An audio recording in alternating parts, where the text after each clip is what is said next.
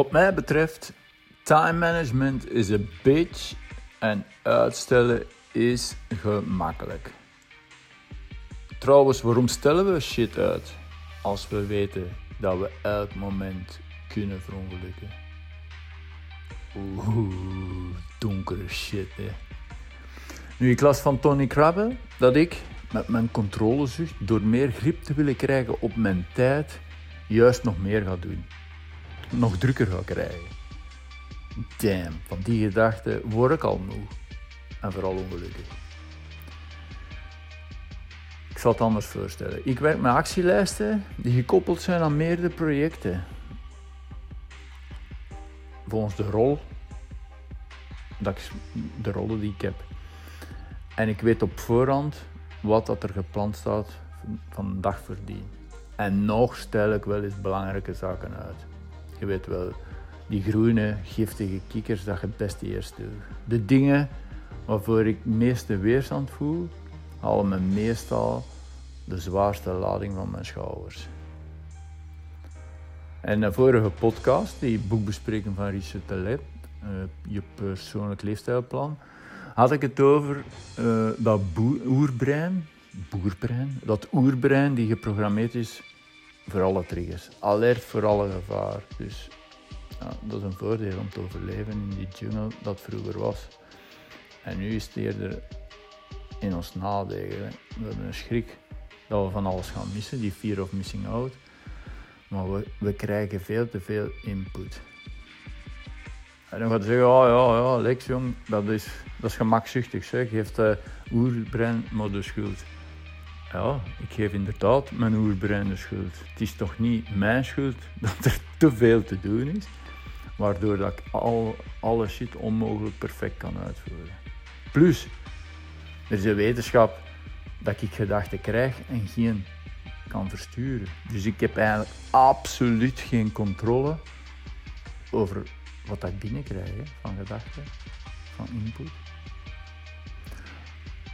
Maar door een deel van die input dat ik tijdelijk te parkeren op een sudderlijst, nou, dat is wel duidelijk ondertussen dat ik geen lijstjesman ben, door, door die op die sudder- of incubatielijst te zetten, hoef ik me eigenlijk geen zorgen te maken dat er goede ingevingen verloren gaan gaan. Want één, uh, in dat boek Getting Things Done staat ons hoofd is de slechtste plaats om te onthouden. En twee, het geeft mij de tijd om er bewust en later bewust. Nee, het geeft mij de tijd om er onbewust en later als ik mijn lijstje bezien, bewust opnieuw over na te denken. En daardoor krijg ik eigenlijk het gevoel dat ik me beter kan beheersen, dat ik minder impulsief reageer en dat ik toch wel een soort controle heb over de output als ik al geen heb over de input, dat ik toch een beetje controle heb. Als controlefreak vind ik dat wel belangrijk. Hè. Het geeft mij als het ware ruimte tussen de trigger, de gedachte, hè, hetgeen dat ik op mijn, mijn, mijn sudder of incubatieles zet, en de actie, waardoor dat minder giftig gaan reageren. Ik zie mezelf eerder als surfer met constant mogelijkheden. Maar ik heb geen controle over de natuur. Ik kies naar eigen dunken voor welke golf ik ga zwemmen. Maar dan mag ik nog die armen uit mijn lijf pompen. Als de natuur zegt nee, je gaat niet mee, dan ga ik ook de rit van mijn leven niet krijgen. Hè. Dus als surfer ga ik zeker niet zwemmen voor alle golven.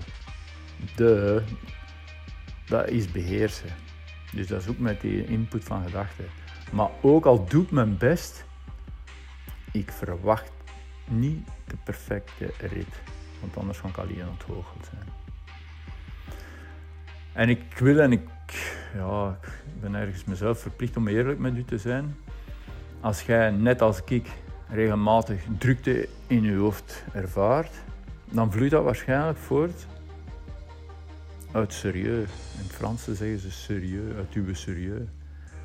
En dat is hè, uh, de dingen dat we moeten doen, weer moeten, hè, veel te serieus opnemen.